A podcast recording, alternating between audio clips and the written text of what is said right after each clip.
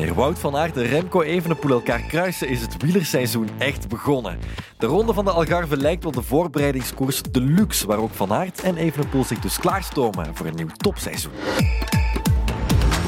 Klimmen, sprinten, punchen en tijdrijden. Alles komt aan bod in de Algarve in Portugal.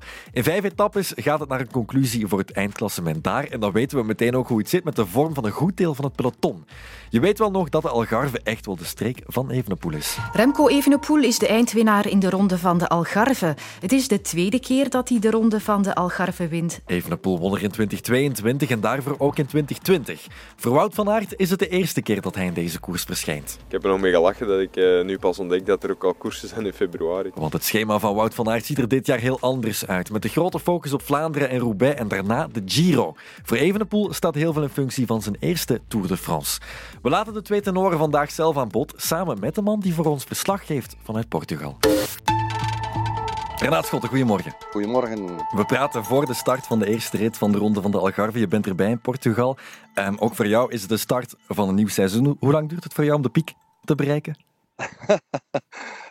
um, goh, het is te zien waar je die piek legt, maar een van die pieken is voor mij persoonlijk op de piste, uh, op de Spelen in Parijs. Uh, maar er, ja, er zijn op de weg natuurlijk heel veel hoogtepunten om naar uit te kijken. Met uh, ja, Olympische wegrit, met het voorjaar. Voor mij in het voorjaar ligt de piek in de zogenaamde Heilige Week. Ja. Ook Renaat krijgt van onze tijd om wat in vorm te komen. En dat kan snel lukken, want het is meteen al een beetje sterren kijken in de Algarve. Ik liep hier daarnet in het hotel John Degenkolb tegen het lijf. Um, Ex-winnaar Parijs-Roubaix, Milan Sanremo, vorig jaar hoofdrolspeler uh, in, in uh, Roubaix. Uh, ja, en dan kom je bij namen als Garen Thomas, Tom Pitcock, uh, Filippo Ganna. Dat zijn er dan drie uit het Ineos Grenadiers kamp. Um, ja, je zit hier met een pleiade aan, aan, toppers die, uh, die iets kunnen klaarspelen van de weken. Blijkbaar is dit, als je het op een rijtje zet, um, het hele startveld, het is te veel om op te noemen, maar is dit de ultieme voorbereidingskoers op het voorjaar aan het worden. En dus ook voor Remco Evenepoel en Wout van Aert. De twee absolute toppers van ons wielerland beginnen er beide vroeg aan. Beide met nieuwe doelen. Eindwinst in de Algarve, dat is voor Van Aert geen mikpunt. Ja, ik ben hier om, uh, om uh, klaar te zijn voor het openingsweekend. Om mijn dagen eruit te kiezen. En uh, hopelijk kan dat met een mooi ritresultaat. Wie weet, met een ritoverwinning, daar, daar mikken we natuurlijk op. het blijft een wedstrijd. Maar ik ben niet voorbereid om hier echt voor een klassement te kunnen gaan. ik heb bijvoorbeeld helemaal niet op mijn tijdrit gefocust tot nu toe. Dus het is een beetje een utopie om te, om daarvoor uh, voor te gaan. Dus uh, meer moet je dan niet echter zoeken. Voilà, maar aan de andere kant wil Evenepoel maar wat graag die derde pakken in Portugal. En hij won natuurlijk al meteen zijn eerste. Ja, ja, ja. Die, die ambitie is, uh, is zeker aanwezig.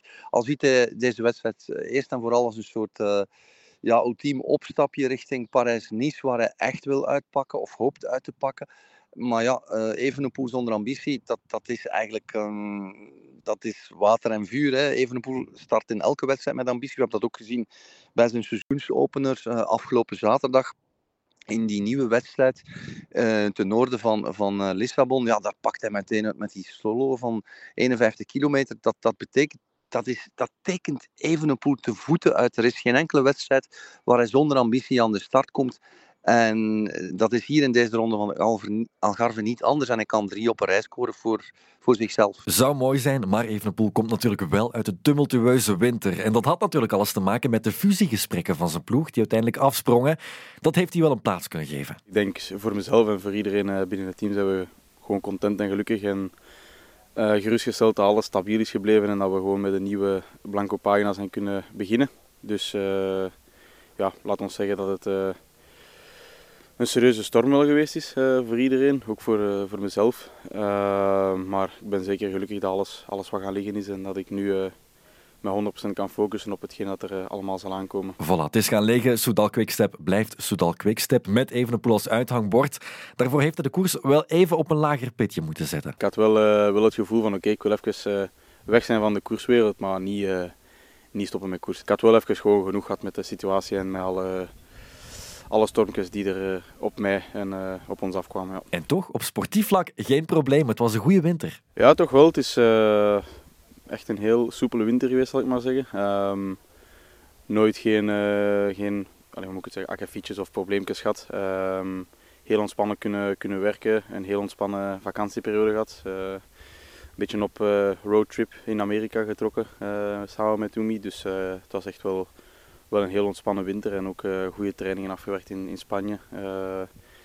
En nooit, nooit gepanikeerd over te laat beginnen of, of, te vroeg begonnen of wat dan ook. Dus ik denk dat dat ook gewoon geresulteerd heeft in hoe dat ik eruit ben gekomen uit de winter. En lichamelijk, allez, fysisch, mentaal, alles stond direct goed van, van bij de start. Dus ik denk dat ik, dat ik misschien wel een van mijn beste winters heb, heb meegemaakt nu in mijn in mijn carrière. En de verwachtingen kunnen meteen de lucht in. Net zoals bij Wout van Aert, want die moet in de allerbeste vorm aan zijn twee grote doelen terechtkomen. De Ronde van Vlaanderen en Parijs-Roubaix. En met daarom start hij vroeg aan het seizoen. Ja, dat is zeker belangrijk. het is natuurlijk de bedoeling om later echt op mijn best te zijn, maar uh, door, door de mindere koersen die ik rijd in het voorjaar, uh, wilde ook wel gewoon geen één uh, missen. Wilde ja, vanaf de omloop op de afspraak zijn. En, het openingsweekend zijn, zijn twee koersen waar ik hoop echt ja, goed genoeg te zijn om, om mee te doen in de finales ik denk dat, uh, dat deze koersen daar heel belangrijk voor zijn om, om nog een stap vooruit te zetten. Van Aert is zich ervan bewust dat er in dat heel goed gevulde palmares wel nog een paar belangrijke gaten zitten. Gaten die hij zelf dit jaar wil opvullen. Het viel mij op dat hij in het interview dat ik gisteren met hem had, dat hij zelf refereerde naar mijn erelijst zal anders gepercipieerd worden als ik een, een, een kassei-monument erop staan heb. Hij heeft al een monument met Milan Sanremo. Heeft al fantastische koersen, zoals de Strade, uh, E3, Gent-Wevelgem enzovoort, enzovoort. Al die toeretappes. Heeft al een eerlijst om u tegen te zeggen. Maar zelf heeft hij blijkbaar voor, zich, voor zichzelf ook nu de conclusie gemaakt. Ja, mijn eerlijst zal toch nog anders bekeken worden als ik dus ronde en of Parijs-Roubaix win. En dat is volgens mij de grote uitdaging waarvoor hij staat. Zelf vind ik dat nu eigenlijk minder van tel. Maar het is duidelijk dat de buitenwereld er een dingetje van heeft gemaakt. En dat is nu blijkbaar ook wel voor een stukje in zijn hoofd geslopen. Ah, je wordt overal met je palmarès aangesproken. Dus uh, uiteraard uh, zou dat iets veranderen. Um, anderzijds denk ik dat ik al een dusdanig palmarès heb dat het, uh, ja, dat het voor mij minder verandert dan voor sommige andere renners. Um, maar ja, het is wel je leeft ook als, als sporter van de doelen die je, die je u stelt en, en, en, dat maakt het mooi. Dus uh, dat is ook hetgeen wat ik doe. Wout van Aert weet duidelijk wat hij wil. Remco Evenepoel weet dat, zoals altijd ook. De eerste keer Tour de France. Hebben we lang op moeten wachten, maar op zijn 24e is het zover en het mag met ambitie. Hij wil op het podium in Nice, waar de Tour dit jaar aankomt, maar ook Parijs-Nice eindigt natuurlijk in Nice. Ja, wel. Laat ons zeggen dat uh, in Parijs-Nice zou ik er op willen staan. En in de Tour droom ik van erop te staan. Dus uh, ik denk dat, uh, dat ik uh, ja, qua, qua zekerheid misschien met iets meer zekerheid richting een paris kan gaan dan, dan de Tour. Want het is toch een, een heel ander verhaal en ook een heel ander parcours. Dus ja, zoals gezegd, het zijn twee podiumen, podiumen in, in Nice die er gaan zijn dit jaar. Um, maar ik had het vooral over, over die van de Tour, dat ik er dat het droom is om erop te staan. Um, ja, we zullen het wel zien. Ik denk dat hij ook wel beseft dat hij, als hij zegt dat hij droomt van het tourpodium, dat iedereen dat zal geloven. Maar ik geloof hem dan eigenlijk niet. Ik denk dat hij mikt naar het tourpodium. Maar dat maakt ook niet uit. Hè. Ik bedoel, ik snap ook wel dat, dat renners af en toe wat voorzichtigheid inbouwen in het uiten van hun ambities. Want uh, dan komen we weer bij de buitenwereld en de boze pers die dan uh, ploegen en renners daarop gaan afrekenen. Op dat vlak is het wielrennen een beetje te weinig Amerikaans. Ik vind dat een sporter het recht heeft om te zeggen: ik ga voor de wereldtitel, ik ga voor het hoogste, ik wil daar goud halen, enzovoort, enzovoort. Maar in Europa wordt daar toch ietsje minder vlot mee omgegaan dan uh, over de grote plas. Het mag soms iets Amerikaanser, al is het voor Evenepoel niet onlogisch om rustig op te bouwen. Eerste tour, eerste kennismaking, maar vertrouwd is hij wel met zijn voorjaarsdoel. Luik Bastenaken Luik. Hier komt Evenepoel voor een tweede jaar op een rij als wereldkampioen. Alleen maar Fred de Bruyne en Eddy Merckx zijn daarin geslaagd om dat te doen na elkaar te winnen. Na Wereldoorlog 2 in de jaren 50 en de jaren 70. Hij geniet, hij kijkt naar links, hij kijkt naar rechts. Maar is vooral heel fel recht doorgereden. Evenepoel won vorig jaar net zoals in 2022 en kan dus voor een derde winst op rij gaan. Goh, ik lig er niet echt wakker van, zal ik maar zeggen. Maar toch, het is, uh, het is wel een extra kriebel. Het is mijn laatste koers van, uh, van het eerste deel van het seizoen. Daarna is het even... Uh, een pauze en, uh, en, een lange voorbereiding richting, uh, richting de Tour, lange trainingsperiode. Dus uh, kijk vooral eerder uit naar echt het, het drieluik in Ardennen dat ik nu ga afwerken. het zijn drie koersen die me zouden moeten liggen, dat ik zou moeten kunnen scoren. Dus met, met dan Luik als, als laatste, als, als hoofdgerecht zal ik maar zeggen. Dus Het is, uh, het is een, heel, uh, ja, een heel coole periode om, om in te koersen. Ik koers heel graag in, uh, in, de, in de buurt van, van het eigen land, van België. En zeker in de Ardennen-klassiekers. Dus het is zeker een van de hoofddoelen. Voilà, hij blijft er hier ook best cool bij, maar Renaat heeft ook andere dingen opgevat. Kan je in primeur verklappen dat, dat ja, Sportweekend mij gevraagd had om, je moet een vraag uh, vragen aan Remco en die vraag moet hij dan stellen komende zondag aan Karel en José. Hè. Dit is voor de podcast, dus beperkt publiek. We kunnen die vraag al prijsgeven. Ik vond het een geweldige vraag. Dus uh, de vraag voor Karel en José van Remco was, denken jullie, Karel en José, dat ik de drie Ardennen-klassiekers kan winnen?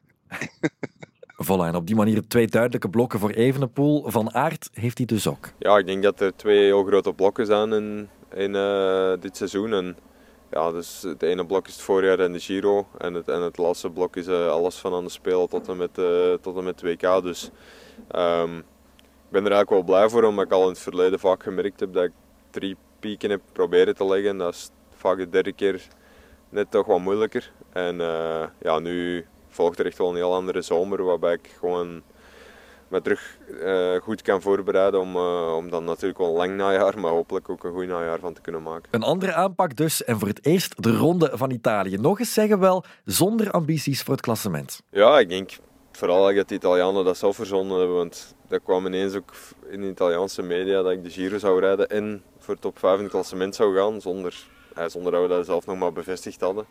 Denk dat het nog maar amper zeker was bij ons spreken dat ik ging rijden, dus... Uh, ja, daar moest ik eigenlijk hard om lachen. En ik moest dan eigenlijk iets minder lachen toen plots doordat dat iedereen dat ook heel serieus begon te nemen.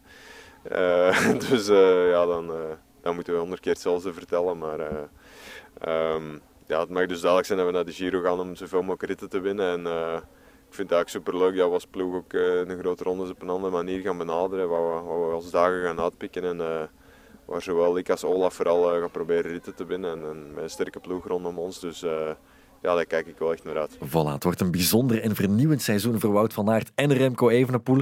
Een nieuwe indeling, maar dezelfde hoge verwachtingen, ook bij Renaat. Ja, dat denk ik wel. Hè. Ik denk dat, um, dat we daar eigenlijk niet moeten aan twijfelen. Ze zullen er klaar voor zijn. En dan hangt het af van, van details, van kleinigheden.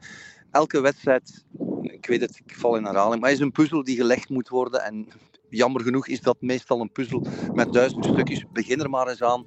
En dan is het logisch dat dat, uh, ja, dat je ook een beetje geluk moet hebben. Denken we maar aan die lekke band van uh, Wout van Aert vorig jaar op Carrefour de We gaan nooit weten wat het zou gegeven hebben zonder, zonder die lekke band. Maar dat dat een, een, een percentje was of een element dat ervoor zorgde dat hij dan niet kon winnen op, uh, op de wielerbaan in Roubaix, daar moet je niet aan twijfelen. Dus dat zijn zaken die, die meespelen in een seizoensverhaal die dan achteraf ook snel vergeten worden.